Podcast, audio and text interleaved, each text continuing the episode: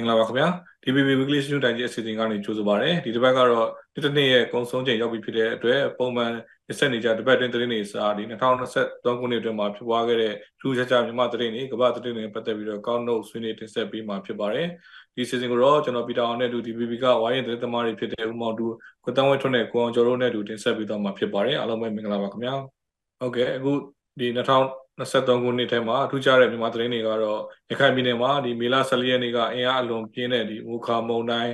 စိုက်ကလုန်းမုန်တိုင်းဒီရခိုင်ကမ်းရိုးတန်းစစ်တွေမြို့နာကိုဒါဖက်ကြုံရောက်တက်ခတ်သွားခဲ့လို့စစ်တွေမြို့အပါဝင်ဒေသထဲမှာကြီးကျယ်ပျက်စီးဆုံးရှုံးမှုတွေကြုံခဲ့ရတာရှိပါတယ်။နောက်ပဲခူးမှာလည်းဒါနှစ်ပေါင်း60အတွင်းမိုးများဆုံးရွာပြီးတော့ဆန်ကျင်တင်ဒီကြီးမှုတွေနဲ့ကြုံတွေ့ခဲ့ရတာရှိပါတယ်။နောက်နိုင်ငံရေးသတင်းတွေဘက်မှာတော့ဒီ2020ရေကောက်ပွဲမှာမဲပြတ်တက်တဲ့နေရာရှိခဲ့တဲ့ NLD ပါတီကိုစစ်ကောင်စီကဖျက်သိမ်းခဲ့တာ နောက်နေပြီးတော့မှချင်းချခံရတဲ့နိုင်ငံတော်တိုင်ပင်ခံပုဂ္ဂိုလ်တော်ဆန်းစုကြည်ကိုထိုင်းနိုင်ငံသားရေးဝန်ကြီးကတော့တွေ့ဆုံခဲ့ပြီးတော့ဒီစက်တဘာပဲဒါဒေါ်ဆန်းစုကြည်ရဲ့မွေးနေ့မှာပန်းပန်တဲ့မျိုးသမီးတွေအားနဲ့ချီပြီးတော့ဖန်ဆီးခံခဲ့ရတဲ့ဒီပန်းတပိတ်ဖြစ်ပွားခဲ့တာရှိပါတယ်။နောက်တစ်ခါနိုင်ငံရေးကျင်းသားတွေဖြစ်တဲ့စာရေးဆရာမဒေါ်တမ်းမြေအောင်စာရေးဆရာထင်လင်းဦးနောက်ရန်ကုန်တက္ကသိုလ်ကဒီပေါ်မောက္ခဆရာဒေါက်တာအာကာမိုးသူသာသနာရေးဝန်ကြီးသူရဦးအောင်ကိုစားသူတွေဒါပြန်ပြီးတော့လွှတ်မြောက်လာတဲ့သတင်းတွေရှိပါတယ်။ နောက်အာဏာသိမ်းစစ်ကောင်စီကအရေးပေါ်အခြေအနေကြီးညာထားတဲ့ဒီတက်တန်းတွေထပ်ပြီးတော့တိုးခဲ့တာရှိသလိုသူတို့ရဲ့စစ်ကောင်စီဖွဲ့ဝင်တွေဝင်ကြီးတွေကိုလည်းအပြောင်းလဲတွေလုပ်ခဲ့တာနောက်ပြည်ထောင်ဝင်ကြီးဒါဒုတိယဗိုလ်ချုပ်ကြီးစိုးထွန်းနဲ့နောက်ဒီစစ်ကောင်စီဖွဲ့ဝင်ဒုတိယဗိုလ်ချုပ်ကြီးမိုးမြင့်ထွန်းတို့ကိုအာဂရိလိုက်ဆောင်မှုတွေနဲ့ထောင်တဲ့နှစ်ရှည်တွေချမှတ်ခဲ့တာရှိပါတယ်နောက်အီဘီလာရဲမှာတော့ဒီစကိုင်းတိုင်းကမ်ဘလူမျိုးနဲ့ဗစီကြီးကျွေရကိုစစ်ကောင်စီကလေကြောင်းကနေဒါအကြမ်းဖက်ဘုံကျဲတိုက်ခိုက်လို့ကလင်းငယ်တွေပါဝင်လူပေါင်း160လောက် သေဆုံးခဲ့ရတာရှိသလိုအော်တိုဘာလထဲမှာလည်းဒီ KIA ဌာနချုပ်လိုက်စာနီးမုံလိုက်ခဲစစ်ဆောင်စကန်ကိုလေလေကြောင်းကနေတိုက်ခိုက်ခဲ့လို့ကလင်းငယ်တွေနဲ့ဒီလူပေါင်း30ကျော်လောက်သာတည်ဆုံးခဲ့ရတာရှိပါတယ်။နောက် NCA အပြည့်ရဲ့စာချုပ်ရှင်းနှစ်ဒီပြည့်အထိမ့်မှတ်ပေါ့နော်နေပြီးတော့မှကျင်းပခဲ့တာမှာအဓိကလက်မှတ်ထိုးထားတဲ့10ပွဲတွေကဒီ9ပွဲတယောက်ခဲ့ပြီးတော့ KNU ABSDF နဲ့ဒီချင်းလက်နက်ကိုင်အဖွဲ့တွေကတော့တယောက်ခဲ့ကြပါဘူး။ နောက်အော်တိုဘာလထဲမှာပဲ29ရက်နေ့မှာအလုံးသိတဲ့အတိုင်းပဲ MND ကိုကန့် TNL လောင်နဲ့ဒီရခိုင်တပ်တော် AA တို့ကနေပြီးတော့10276ကိုဒါစတင်လုပ်ခဲ့လို့ဒီရှမ်းပြည်နယ်မြောက်ပိုင်းမှာစစ်ကောင်စီတပ်စခန်းတွေမျိုးတွေဒါသိမ်းပိုက်ခံရတာရှိပါတယ်ဒီစစ်စင်နဲ့နောက်ဆက်တွဲမှာလည်းရခိုင်ပြည်နယ်မှာကြောပြန်တိုက်ပွဲတွေပြန်ဖြစ်ပြီးတော့ခရင်းဒီပြည်နယ်မှာလည်းဒါလွိုက်ကွန်မျိုးသိမ်းတိုက်ပွဲစတင်ခဲ့တာ ကင်းပြည်နယ်ချင်းပြည်နယ်စကိုင်းတိုင်းမှာလည်းဒေါ်လာတက်ဖွဲ့တွေကမျိုးသိမ်းတိုက်ပွဲတွေဒါဆက်လက်ပြီးတော့ဆင်နွှဲနေကြတဲ့သတင်းတွေဒီနှစ်ထဲမှာကျွန်တော်တို့မြင်တွေ့ရပါတယ်။နောက်မြန်မာနိုင်ငံမှာဒီဆီယနာသိမ်းပြီး၃နှစ်နီးပါးရှိလာချိန်မှာတော့လူကြီးရဲ့ဒီနေ့တော့6တန်းနီးပါးအိုးရင်ဆုံးကထွက်ပြေးကြပြီးတော့မြန်မာပြည်သူဒီလူလူရဲ့သုံးပုံတစ်ပုံလောက်ကဒီလူသားချင်းစာနာမှုအကူအညီလိုအပ်နေတာ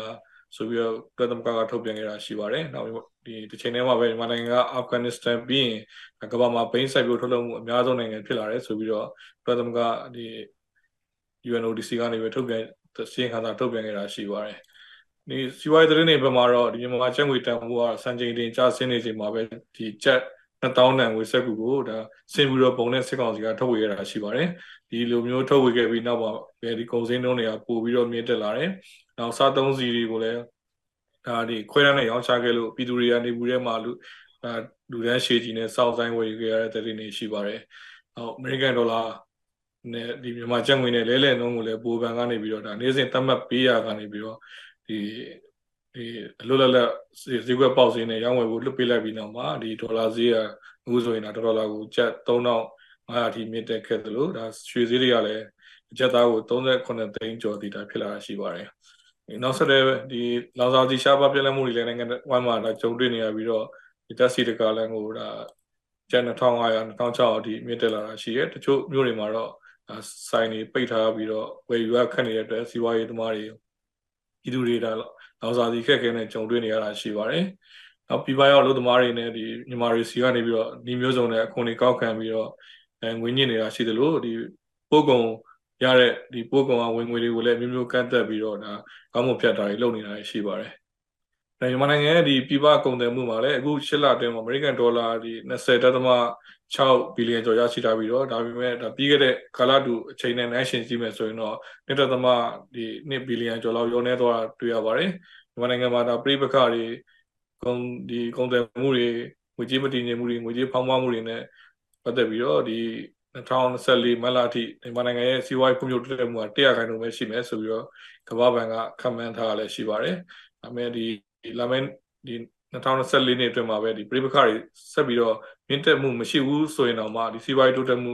ဟိုဒါနှိကွင်းနေအောင်ပဲဆိုပြီးလည်းဒါခန့်မှန်းထားပါရှိပါတယ်။တော့ဒါစီးပွားရေးနဲ့နိုင်ငံတကာသတင်းတွေပေါ့နော်ပထမဆုံးအနေနဲ့ဒီ2023ခုနှစ်မြန်မာနိုင်ငံရဲ့ဒီနိုင်ငံရေးအခြေအနေပတ်သက်ပြီးတော့ကျွန်တော်တို့စပြီးတော့ဆွေးနွေးကြပါတယ်။ဒီ2023ခုနှစ်ဟာဒီအဆုံးသက်တိုက်ပွဲရဲ့အဆုံးဖြတ်နှစ်ဖြစ်တယ်ဆိုပြီးတော့ AUG ကဒါကြွေးကြော်ပြီးတော့စီရေးနိုင်ငံရေးနိုင်ငံတကာတန်တမာရေးစမနာမှာကြိုးပမ်းဆောင်ရွက်ခဲ့တာရှိပါတယ်ဒီအောင်မြင်တဲ့လောက်လည်းအောင်မြင်ခဲ့တာရှိတယ်လို့မကြည်လည်မှုတွေအားမရမှုတွေဝေဖန်ခံရတာလည်းရှိပါတယ်ဒါနဲ့ပတ်သက်ပြီးတော့မြန်မာနိုင်ငံရဲ့တနစ်စာပြန်ပြီးတော့ကြည့်မယ်ဆိုဘယ်လိုသုံးသပ်မိလဲဥပမာတို့ကျွန်တော်တို့ဒါပြောပြပေးပါဦးခင်ဗျာဒီနှစ်ကဒါတနစ်စာသုံးသပ်မှာပေါ့နော်တကယ်တမ်းတော့ပြောမှဆိုလို့ရှိရင်တော့ဒီ2021အာနာသိန်းကလေးကဆိုရင်ဒါ3နှစ်လည်းနီးလာပြီပေါ့ဖေဖော်ဝါရီဆို3နှစ်ပြည့်တော့မှာအဲ3နှစ်အတွင်းမှာ ဘယ်လိုခေါ်မလဲဟိုယူနီအိုစုသလိုပေါ့နော်တဖြည်းဖြည်းတဖြည်းဖြည်းနဲ့ပူပူပူပူလာပြီးတော့ဒါဒီအချိန်ရတော့ဒါအပွက်ဆုံးနှစ်လို့ပြောရမှာပေါ့ဆိုတော့ဘယ်လိုခေါ်မလဲဆိုတော့ဒီစစ်ရေးမှာဆိုလို့ရှိရင်ဒီတိုက်ပွဲတွေမှာဆိုလို့ရှိရင်ဒါနိုင်ငံတော်ဝမ်းမှာဒါဟိုတော်လန်ရေးတပ်တွေကတိုက်ခိုက်သိမ့်ပိုက်ဒါထားတာထိန်းချုပ်ထားတာတွေကတော်တော်များများများများလာတယ်ဗျဆိုတော့အထင်ရှားဆုံးလို့ဒီနှစ်မှာပြောရမယ်ဆိုရင်တော့ဗျာဘာကိုပြောရမလဲဆိုတော့စောစောပြောသလိုပဲပေါ့ဒီ ဒီမြောက်ပိုင်းသုံးဘွဲရဲ့ဒါ10ဆက်ခွန်ဒါကတော့အထင်ရှားဆုံးပဲဒီ10ဆက်ခွန်စစ်စင်ရေးကနေပြီးတော့အရှိန်နေဆက်ပြီးတော့ဒါတက်သွားတာပေါ့နော်ကရင်နီမှာဆိုရင်ထပ်ဖြစ်တယ်ကရင်ဘက်မှာလည်းဖြစ်တယ်ဟာတောင်ပိုင်းမြောက်ပိုင်းအကုန်ပါကုန်တာပေါ့အဲ့ခါကျတော့ဟိုမြောက်ပိုင်းသုံးဘွဲရဆိုလို့ရှိရင်တရုတ်ကိုအားကိုးပြီးတော့ဟလာဆွေးနွေးပေးပါဆိုပြီးတရုတ်ပြည်မှာနှစ်ကြိမ်သွားဆွေးနွေးရတဲ့အထိဖြစ်လာတယ်ဖြစ်လာတဲ့ခါကျတော့ဟိုဒါပဲနဲ့လည်း အခုဒုတိယအကြိမ်ဆွေးနွေးပွဲအထိကဒါမအောင်မြင်ဘူးပေါ့နော်ပြတ်သွားတဲ့အနေအထားတွေဖြစ်တာပေါ့ဆိုတော့ဟိုမှာဆွေးနွေးနေတာပြောတယ်စစ်ကောင်စီရဲ့ပြောခွင့်ရသူကအာဆွေးနွေးနေပါပြီလာကုန်ထိဒီဒီဒီအခုလာကုန်ထိပေါ့နော်ဟိုအပြစ်ကတွေရက်စဲတာပဲဆိုပြောတယ်ဟိုမှာလီမြန်တွေကဘုံကျဲတော့အမှန်လီမြန်နဲ့ဘုံကျဲရတယ်ဆိုတာအောက်ရှိမှာဒီကျွန်တော်တို့ဒီဒွေဒေါ်လာကြီးတက်တွေပေါ့နော်တိုင်းရင်းသားတက်တွေကနိုင်လို့သူကကျဲရတာဆိုတော့အဲ့ဒီမှာကျတော့တိုက်ပွဲတွေကပိုဖြစ်တယ်သူတို့ပြောတဲ့အပြစ်ကရဲ့ဆဲဆိုတာလည်းမဟုတ်ဘူးအဲ့ဒီကျတော့ဟိုမြောက်ပိုင်းမှာဆိုလို့ရှိရင်ဒါ နှစ်လပေါ့နှစ်လအတွင်းမှာဆိုလို့ရှိရင်စကန်ပေါင်း300ကျော်လို့ပြောတာပေါ့နော်300ကျော်ဆိုတာ300ကျော်ကနေပြီးတော့နောက်နေ့ဆိုတဲ့စကန်တိုးနောက်နေ့ဆိုစကန်တိုးအဲ့ဒါမျိုးတွေတိမ့်နေတာပေါ့ဆိုတော့အဲ့ဒီဒီမြောက်ပိုင်းသုံးပွဲရလဲသူတို့စကန်တွေတိမ့်နေအဲမြောက်ပိုင်းသုံးပွဲကနေတော့ဆက်ပြီးတော့မှဒီရှမ်းပြည်မြောက်ပိုင်းကနေပြီးတော့စစ်မီးကဒီအေးအေးကြီးပေါ့နော်ကူးသွားတယ်ဒီဘက်ချင်းကူးသွားတယ်အဲဒီအဲ့လိုမျိုးတွေအများကြီးပေါ့ ဒီအေးဆိုလက်တာပလက်ဝါမှာစခန်းတွေတင်ထားတာရှိတယ်အချင်းဘက်မှာလည်းစခန်းတွေအများကြီးတင်ထားတာရှိတယ်ဒီနေ့ပဲသတင်းတစ်ခုတက်လာတာချင်းနဲ့စကိုင်းမှာ10မြို့တင်ထားတယ်လို့တွေ့ရတယ်နော်အချင်းပြည်နယ်မှာ3မြို့ပေါ့နော်စကိုင်းမှာ10မြို့ဟိုတိုက်ပွဲတွေကလည်းယာချီပြီးတော့ဖြစ်နေတယ်ဒါဒါဒါစကိုင်းဆိုတာအလဲပိုင်းကိုရောက်လာတာပေါ့နော်ကူးဆက်လာတာအဲမြောက်ပိုင်းမှာလည်းမြို့တွေတင်ထားတာအများကြီးအချွေချွေဟောတို့အဲသူလောက်ကန်ဆိုလို့ချင်းမသိမ့်တာမသိမ့်သေးတာပေါ့နော်လောက်ကန်ရတော်တော်များများဒီဘက်ကထိန်းချုပ်ထားတဲ့အနေအထားပေါ့ အဲဒီဘက်အပိုင်းမှာပြန်ကြည့်ရင်လည်းဂရနီဆိုလဲကြည့်အောင်မနေ့ကတည်းကဂရနီလွိုက်ကော်ရဲ့ဒါဟိုယုံပေါ့နော်ပြည်နယ်ပြည်နယ်အုပ်ချုပ်ရေးယုံတိမ့်လိုက်ပြန်ပြီဆိုတော့ဟိုဟိုမကြပြီးခဲ့လာတယ်တော့ဆိုလဲဒီတက္ကသိုလ်သိန်းတယ်လွိုက်ကော်တက္ကသိုလ်သိန်းတယ်အလံပြူတွေပါထောင်ပြီးတော့မှတက္ကသိုလ်တွေကနေပြီးတော့ဒီစစ်ကောင်စီတပ်သားတွေကလက်နဲ့ချရတဲ့အနေအထားတွေတော်တော်စစ်ကောင်စီဘက်ကစိုးစိုးဝါးဝါအခြေအနေတွေဖြစ်နေတာပေါ့နော်အဲ၃နှစ်အတွင်းမှာပြောရင်လည်း အဆိုးဆုံးအခြေအနေဒီနေ့အတွင်းမှာပြောရင်လည်းစစ်ကောင်စီဘက်ကတော့တိုက်စိတ်ခိုက်စိတ်တွေကြာဆင်းနေပြီးတော့ဒီစစ်ရေးရရှုံးနေပေါ်တာအဆုံးဆုံးအစီအနေဖြစ်နေတဲ့အနေထားပဲအဲ့တော့ဟိုသုံးသက်တဲ့ဖွဲ့တွေကသုံးသက်ချက်အရဆိုလို့ရှိရင်နိုင်ငံအနှံ့မှာတဲ့မြို့ပေါင်းပေါ့နော်330ကျော်ရှိတယ်တဲ့အဲ့ဒီမှာဆိုရင်220တခုကျော်ပေါ့နော်အဲ့ဒီမှာဒီနိုင်ငံရဲ့မြို့တွေရဲ့69ရာခိုင်နှုန်းလောက်ကဒါတိုက်ပွဲတွေဖြစ်ပွားနေတယ်ပေါ့အဲကျွန်တော်တို့လိုက်ကြည့်မှဆိုလို့ရှိရင်လည်း အကရင်ကရင်နီဒီဘက်မှာဆိုလည်းတင်းသားရီချင်းစကိုင်းကချင်းအမန်လေးတိုင်းထဲမှာလည်းဖြစ်တယ်အခုဘကိုးတိုင်းထဲမှာလည်းတိုက်ပွဲတွေကဖြစ်လာနေတာပေါ့နော်ဆိုတော့အဲ့တော့တနိုင်ငံလုံးရဲ့နေရာတော်တော်များများရှမ်းပြည်ဟလာဘုရားပြည်အဲ့လိုတွေတော်တော်ပြင်းပြင်းထန်ထန်ကိုဖြစ်လာတဲ့အနေထားပေါ့ဟုတ်ကဲ့ပါကိုကျော်ဒီမြန်မာနိုင်ငံရေးနဲ့ခင်းချင်းနဲ့ပတ်သက်ပြီးတော့နိုင်ငံတကာရဲ့အမြင်ကဘယ်လိုမျိုးရှိရလို့မြင်ကြရလဲခင်ဗျာသူတို့ရဲ့အမြင်တွေပြောင်းသွားတယ်ဒါမှမဟုတ်အရင်တိုင်းပဲရှိလား ဟုတ်ကဲ့ဟိုပါပေါ့ဒီနိုင်ငံနိုင်ငံတကာကနေပြီးတော့ဒီလက်ရှိမြန်မာပြည်မှာပေါ့လေဒါဖြစ်ပျက်နေတာနဲ့ပတ်သက်ပြီးတော့ပြောရမယ်ဆိုရင်တော့ဟိုကျွန်တော်တို့မြင်ရဆိုရင်တော့ကျင်နာအားရမှုတော့တိတ်မရှိဘူးပေါ့လေအဲဘာဖြစ်လဲဆိုတော့လက်ရှိအချိန်ဒီကိုလည်းဒီအနုကြည်အစိုးရကိုသူတို့အနေနဲ့တရားဝင်အစိုးရအနေနဲ့ဒါလက်ရှိအချိန်ဒီအတိမတ်အပြူသေးတဲ့ကိစ္စမျိုးတွေလည်းဒါရှိနေသေးတယ်အဲနောက်တစ်ခုကဘာလဲဆိုတော့ကျွန်တော်တို့လက်ရှိဒီစစ်ကောင်းဆောင်တွေအနေနဲ့ပေါ့လေဒါစစ်ရောက်သိမ်းမှုတွေကျူးလွန်နေတဲ့ပြည်သူတွေပေါ်မှာ ဟိုပြောမယ်ဆိုတော့ရရက်စက်တက်ဖြတ်နေတဲ့ဖန်ဆီးနေတဲ့ကိစ္စမျိုးတွေရှိရပေါ့လေအဲဒီဟာတွေကိုလည်းသူတို့အနေနဲ့ဟိုပြောမယ်ဆိုရင်တော့တတိရောက်ဒါအရေးယူဆောင်ရနိုင်တာကိုမတွေ့ရဘူးပေါ့လေအဲပြောမယ်ဆိုရင်ကျွန်တော်ပြီးခဲ့တဲ့ဒီ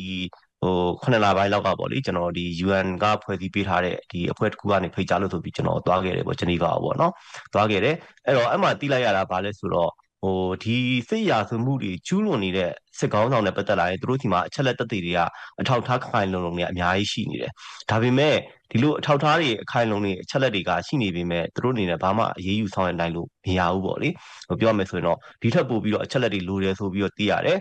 ။နောက်တစ်ခုကဘာလဲဆိုတော့အဲ့လိုမျိုးဒါကလည်းဟိုဒီ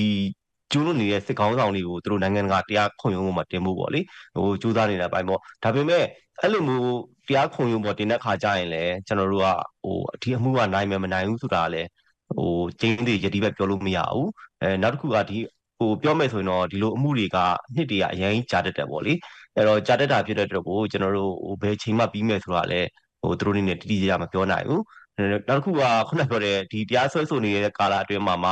ဟိုစစ်ကောင်းဆောင်ပဲဖြစ်ဖြစ်တရားပဲဖြစ်ဖြစ်ပေါ့လေဟိုတည်ဆုံးသွားခဲ့ရဆိုရင်လည်းဒီအမှုကပိတ်သိမ်းရတယ်ဆိုတဲ့ဟာမျိုးတွေကလည်းသူတို့တတ်မှတ်ချက်ရှိတယ်ပြီးရင်ခုနပြောတဲ့ဒီဟာတွေကိုသူတို့ဟိုအရေးယူရလို့သတ်မှတ်ပြီးရဆိုရင်တော့မှပဲသူကဒီအဖွဲ့တွေကမြန်မာပြည်မှာလာပြီးတော့ကျူးလွန်နေတဲ့စစ်ကောင်းဆောင်တွေဖမ်းလို့မရအောင်ဖမ်းဆီးခွင့်မရှိဘူးသူတို့မှအဖွဲ့မရှိဘူးပေါ့လေဆိုတော့ဒီဟာတွေကိုကြားသိရခြင်းအပြင် ဟိုပြောမယ်ဆိုရင်တော့ကျွန်တော်တို့အနေနဲ့ဟိုပြည်သူမှာပြည်သူပဲရှိတယ်ပေါ့လေကျွန်တော်တို့ဟိုနိုင်ငံတကာကိုကျွန်တော်တို့အကူလို့မရဘူးဆိုတဲ့အခြေအနေမျိုးကိုကျွန်တော်တို့ကြုံတွေ့ရတယ်အဲတခုကန်ဆိုတာက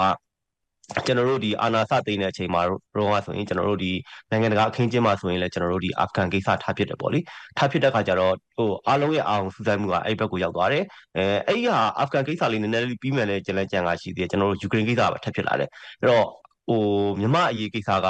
ဟိုတကယ်ကိုအနောက်ကိုရဲရောက်သွားတယ်ပေါ့လေသူတဲ့ရေးကြီးတဲ့ကိစ္စမျိုးတွေကထားဖြစ်လာတဲ့အခါဖြစ်တဲ့တော့ကိုအဲ့တော့ဟိုကျွန်တော်ဒီမှာနိုင်ငံတကာအတိုင်းအမှာလည်းစကားတွေပြောတဲ့အခါမျိုးကြရင်ဟို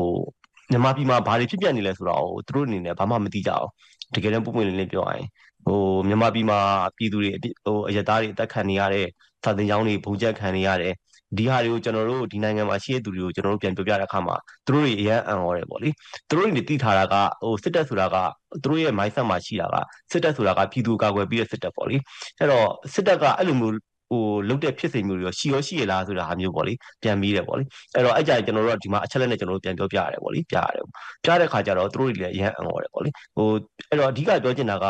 ဘာလဲဆိုတော့ဟိုစစ်တပ်ကနေပြီးတော့ဟို ပြည်သူတွေကိုလက်နက်မဲ့ပြည်သူတွေပေါ့လေဒါတက်ဖြတ်တဲ့ဖမ်းဆီးတဲ့ဆိုတဲ့ကိစ္စမျိုးတွေပေါ့ဟိုပြီးပြီးပြီဆိုရင်ကျွန်တော်တို့ဒီဒီနေ့ထက်မှဖြစ်ခဲ့တဲ့ကိစ္စပေါ့လေဒေါန်စုစုရီမွေးနေမှာဒါပန်းကင်တဲ့ပြည်သူတွေကိုဖမ်းတယ်ဆိုတဲ့ကိစ္စပန်းရောင်းတဲ့ဟိုပန်းရောင်းတဲ့သူတွေကအစဖမ်းခံလိုက်ရတယ်ပေါ့လေအဲ့တော့ဒီလိုကောင်မျိုးတွေကဟိုသူတို့တက်ကအရန်ထူးဆန်းနေတဲ့ကိစ္စမျိုးတွေဖြစ်နေတယ်အဲ့တော့ဒီလိုကိစ္စမျိုးတွေသူတို့လုံးဝမသိရဘူးမကြားရဘူးပေါ့လေ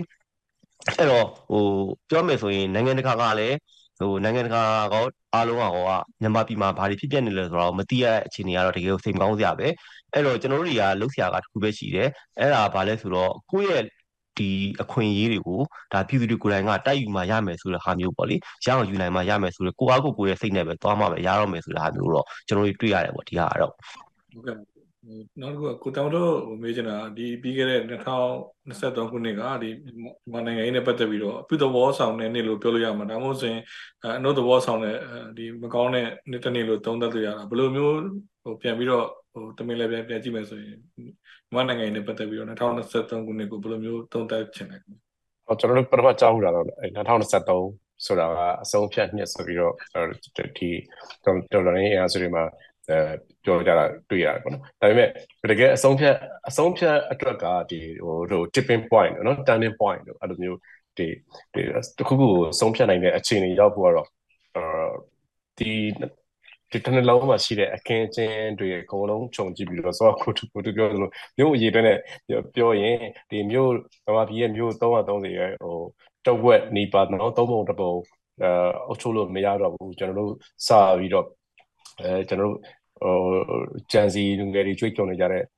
အုပ်ချုပ်လို့မရစေရဆိုတော့ဟိုကြွေးကြော်တာနဲ့ပေါ့နော်အခုအုပ်ချုပ်လို့မရတဲ့အခြေအနေရယ်နောက်ပြီးတော့အခုန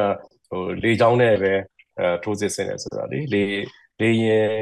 အဲလေရင်တွေနောက်ဆုံးပေါ်လေရင်တွေပဲတုံးတုံးလက်နက်တွေပဲတုံးတုံးเนาะဈေးကအမတန်ကြီးစွာနဲ့เนาะအဲအဲ့ဒီလေချောင်းလေချောင်းနဲ့ပဲတိုက်ခိုက်နိုင်တယ်မြေမြေပြင်တက်အင်အားမရှိဘဲနဲ့ ဟိုစီရေးရစိုးမိုးနိုင်တဲ့အခြေအနေမရှိတာဒါဒီတစ်နှစ်လုံးမှာအတိအသာဆုံးဖြစ်မယ်ထင်တယ်အဲ့ဒါကြောင့်လေချောင်းလေချောင်းကနေပြီးတော့ရက်သားတွေတိုက်ခိုက်မှုတွေရက်သားတွေတည်ဆုံမှုတွေပို့ပြီးတော့များလာတယ်အဲ့ဒီအတွက်လည်းအဲနိုင်ငံတကာအဖွဲ့အစည်းတွေချားမှာပို့ပြီးတော့ဟိုဟိုပြောပြပြောစရာတွေပေါ့တိုက်ဟိုဟိုတုံးဟိုထားပါတော့ကုလကုလသမဂ္ဂအဖွဲ့အစည်းတွေဆိုလို့ရှိရင်လည်းဆိုတော့ကောင်းကျော်ဟိုပြောတဲ့ဟိုကုလသမဂ္ဂအဖွဲ့အစည်းပေါင်းများစွာရှိတယ်နော်ဒီ i i တပ i တပ ms ရှိနော်လုံခြုံရေးကောင်စီကနေပြီးတော့ 2669ဆိုပြီးတော့နော်အဲကျွန်တော်တို့ဆုံးဖြတ်ချက်ချထားတာရှိတယ်နော်ဒီပြီးခဲ့တဲ့နှစ်ပြီးခဲ့တဲ့နှစ်စံပေါ့နော်ပြီးခဲ့တဲ့နှစ်ဒီချိန်ပေါ့အဲနောက်အဲအဲတော့ကို ICJ နဲ့ပတ်သက်ပြီးတော့တွားနေတာရှိတယ်ပြီးတော့ ICC နဲ့ဟိုနိုင်ငံတကာရာဇဝရာဇဝခုံရုံးနဲ့ပတ်သက်ပြီးတော့ဒီစိတ်ရာဆွေးမှုနဲ့ပတ်သက်ပြီးတော့ဆက်တွားနေတာရှိတယ်နောက်ပြီးတော့ဒီအာဆီယံကမုံငါချက်เนาะအာဆီယံကဆက်ပြီးတော့အဲဒီဒီ ပုံသဘောတူညီချက်ပေါ်မှာဆက်ပြီးတော့ရပ်တည်ဖို့ဆိုတာအခုလာအိုပြောင်းတော့မယ်ပေါ့နော်ကျွန်တော်တို့ဟိုတွေ့ရတယ်အဲဒီရှေ့မတိုင်ခင်မှာအာဆီယံဘက်ကနေပြီးတော့ဒီအင်ဒိုနီးရှားကနေပြီးတော့နော်ဟိုအန်ယူဂျီလည်းပါပါတယ်တိုင်းရင်းသားတဲ့နိုင်ငံလည်းပါပါတယ်ဒီစစ်ကောင်စီလည်းပါပါတယ်ဆွေးနွေးကြမယ်ဆိုပြီးတော့နောက်ဆုံးစူးစမ်းရတယ်ကျွန်တော်တို့တွေ့လိုက်ရတယ်သို့တော့အဲဒီဒီဒီနိုင်ငံရေးနိုင်ငံရေးအဆွေးနွေးမှုကအခုချိန်မှာမဖြစ်နိုင်ဘူးဆိုတဲ့အခြေအနေဟိုတရုတ်နဲ့ဆွေးနွေးတဲ့ကိစ္စမှာလည်းပေါ်တာပေါ့နော်အဲဒီဒီ အာဆီယံရဲ့အခုတာဝန်ယူမဲ့ဥက္ကဋ္ဌတာဝန်ယူမဲ့လာအိုစ်ကအကိုင်ပြီဆိုလို့ရှိရင်လည်းဒီလာအိုစ်ကတရုတ်ရဲ့ဩဇာကန်လို့ပြောလို့ယူဆကြတာတွေရှိတဲ့အတွက်လာအိုစ်ကိုဝိုင်းရမယ်လာအိုစ်ကိုကျန်တဲ့နိုင်ငံတွေကထိမ့်မယ်ဆိုပြီးတော့လေကျန်တဲ့နိုင်ငံတွေကဟိုဟိုဝိုင်းပြီးတော့ထိမ့်မဲ့အရေးရောင်တွေတွေ့ရတယ်လို့သူသဖြင့်ထိုင်းနိုင်ငံဆိုလို့ရှိရင်လည်းထိုင်းနိုင်ငံရဲ့နောက်ပြီးတော့ ထိုင်းရယ်တရုတ်ရယ်အိန္ဒိယရယ်ပေါင်းပြီးတော့အာဆီယံနဲ့မတူတဲ့ချင်းကပ်ပုံမျိုးပေါ့နော်အိန္ဒိယနိုင်ငံတွေရဲ့ချင်းကပ်ပုံမျိုးကျွန်တော်တို့ဟို track 1.5ဆိုတဲ့ဟာလည်းတွေ့လိုက်တယ်နော်အဲဒီချင်းကပ်ပုံမျိုးကလည်းဒီအခုဘယ်သူနဲ့စကားပြောရမှာလဲဆိုတော့အာဘုံနဲ့သွားမယ်ဆိုလို့ရှိရင်သူတို့ဟိုတိုင်းသားအဖွဲ့အစည်းတွေနောက်ဒီဒီ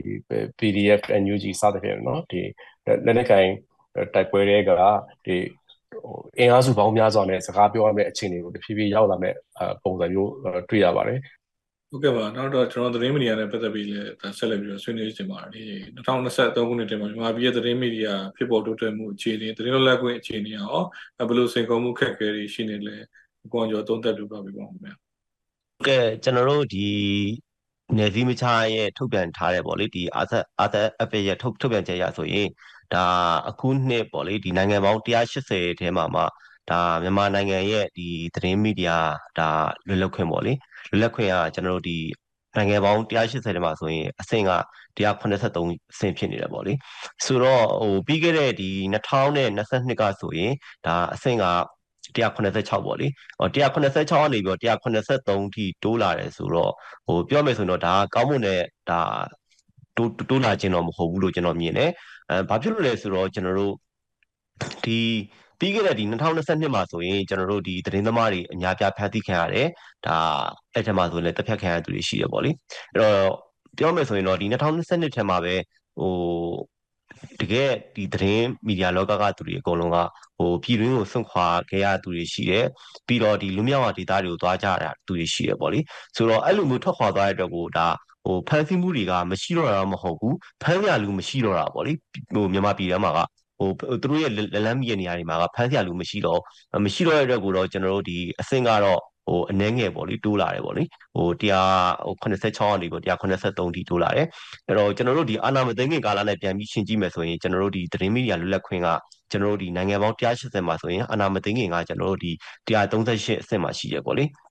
အဲ့တော့ဒီတမချက်ရကြည့်မယ်ဆိုရင်ကျွန်တော်တို့ကျွန်တော်တို့ရဲ့ဒီအနောက်မှာဆိုရင်ဟိုနိုင်ငံတွေကတိတ်မကြံတော့ဘူးဘာရှိမလဲဆိုရင်ကျွန်တော်တို့ဒီအီရတ်တို့ကျွန်တော်တို့ဒီတရုတ်တို့မြောက်ကိုရီးယားတို့ပဲရှိတော့မယ်ပေါ့လေအဲရုရှားတောင်မှကျွန်တော်တို့ဒီအဆင့်သတ်မှတ်ချက်ရဆိုရင်ကျွန်တော်တို့ထက်တောင်မှပိုပြီးတော့ဟောဖြစ်သေးတယ်ဟိုသတင်းလွတ်လပ်ခွင့်ကပိုပြီးရှိသေးလို့ပြောရမယ်ကျွန်တော်တို့ဒီသတ်မှတ်ချက်ရဆိုရင်ပေါ့လေအဲ့တော့ဒီဟာတွေကဟိုပြောမယ်ဆိုရင်တော့ရလက်တော့မကောင်းဘူးဟိုနောက်ပြီးတော့ဒီထုတ်ပြန်ချက်တွေကကျွန်တော်တို့ပြန်ပြီးတော့ကျွန်တော်တို့ရဲ့ဒီစင်းတွေကပြန်ကြည့်မယ်ဆိုရင်လည်း ဒါတကဘာလုံးမှာဒီသတင်းထောက်တွေကိုပေါ့လေဒါဟိုဖန်ဆီးတဲ့ဒါအကျဉ်းချတယ်ဆိုတာကဒါတရုတ်နိုင်ငံပြီးရင်ဒါမြန်မာနိုင်ငံကဒုတိယအနေနဲ့ကျွန်တော်တို့တွေသွားနေတယ်အဲ့တော့ဟိုလူကြီးအချိုးစားနဲ့နေမြေအေးရကိုပြန်ပြီးတော့ခွဲဝေစိတ်ထားမယ်ဆိုရင်တော့ကျွန်တော်တို့မြန်မာနိုင်ငံကအများဆုံးလူတော်မှာကျွန်တော်တို့ဒါသတ်မှတ်လို့ရမယ်ပေါ့လေ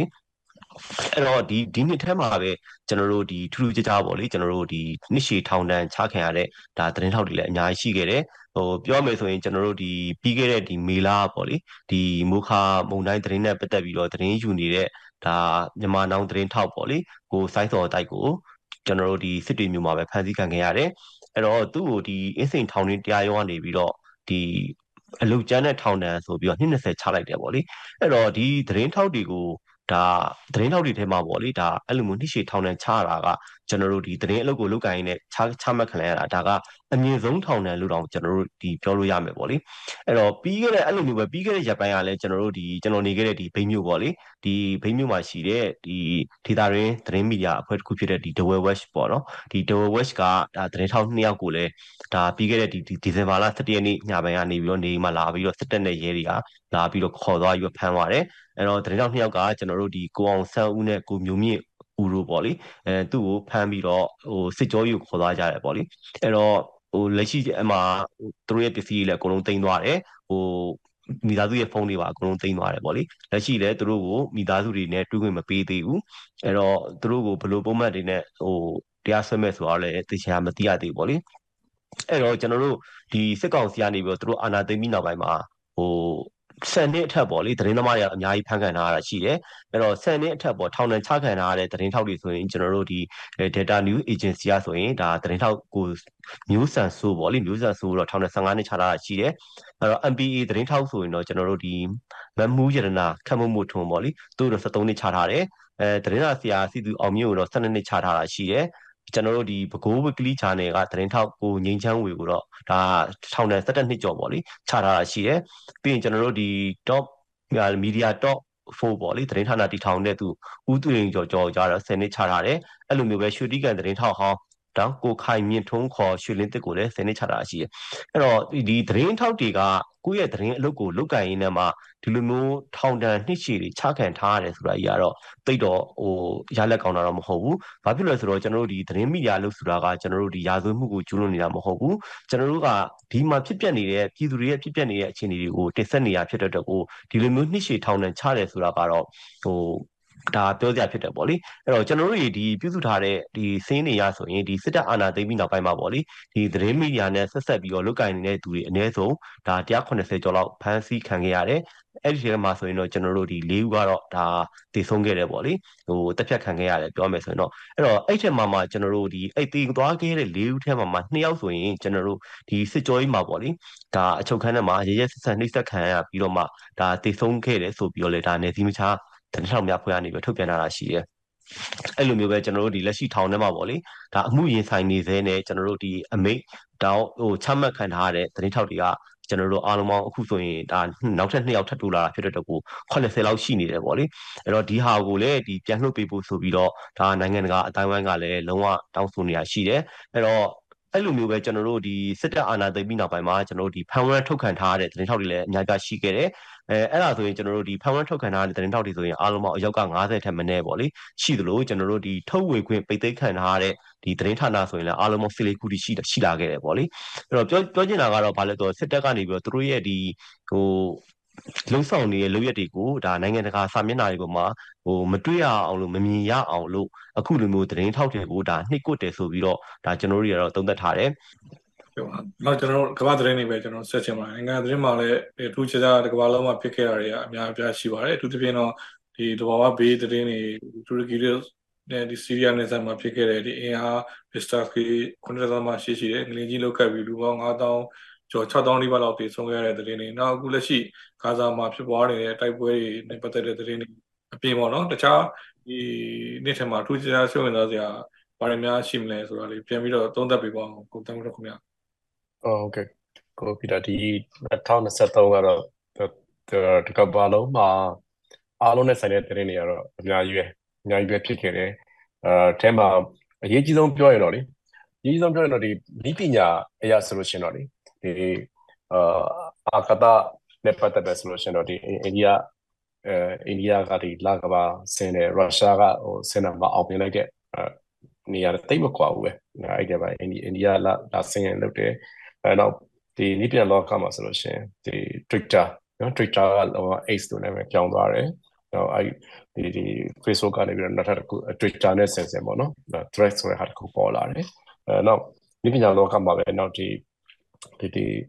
Titanic တင်မောကြီးကိုတွားပြီးတော့လေ့လာတယ် Ocean Gate ဆိုတဲ့ရေရေငုတ်ရင်ပေါ့နော်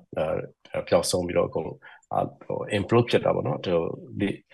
ပင်သမုတ်တရားရေဖီအားမခံနိုင်လို့ပြေဆုံးကြတာတွေ9ယောက်ပြေဆုံးတယ်တွေ့တယ်နောက်ပြီးတော့ Holy Job ဖြစ်ခဲ့တဲ့တဲ့နေ့မှာဆိုလို့ရှိရင်တရုတ် ဟိုဘောလုံးပေါ့နော်ဘောလုံးခေါ်မလားပေါ့မိုးပြန်မိုးပြန်ဘူးပေါ့ပေါ့နော်အမေရိကအမေရိကကနေဒါကိုဖြတ်ပြီးတော့အမေရိကတခွင်ဖြတ်ပြီးတော့နော်ဆိုအမေရိကဟိုနာ holy region ပေါ့နော် American တိုက်လေရင်လည်းပတ်ပတ်ချလဲဝိုင်းပြီးတော့လေပြစ်ပြစ်လည်းပြစ်မချရဘူးပြစ်ချလို့ရှိရင်ဘာတွေပါမလဲပေါ့နော်အောက်ကလူတွေကိုဘယ်လောက်ဟိုပြဿနာရှိမလဲဆိုပြီးတော့တရုတ်နဲ့ American ကြားပါတော့တင်းမာလိုက်သေးတယ် နောက်ဆုံးပြစ်ချလိုက်တဲ့အတွက်လည်းတရုတ်ကမကြည့်ဘူးပေါ့ဗျာအဲတရုတ်ကမကြည့်ဘူးအဲ့တော့ American နဲ့တရုတ်ကြားမှာတော်တော်လေးဒီနှစ်ဆန်းမှာကျွန်တော်တို့ holy region ဖြစ်ကြတယ်နော်ဒီ American တိုက် America တိုက်ကြီးတစ်ခုလုံးကိုဒီအရှိအရှိပဲပေါ့နော်ဒီ Atlantic သမုဒ္ဒရာတွေကိုရောက်တဲ့အချိန်ကြတော့မှဒီနောက်ဆုံးပေါ်ချက်တိုက်နေနေပြစ်ချလိုက်တယ်ပေါ့လေပြစ်ချလိုက်တော့အဲ့တော့ဒီ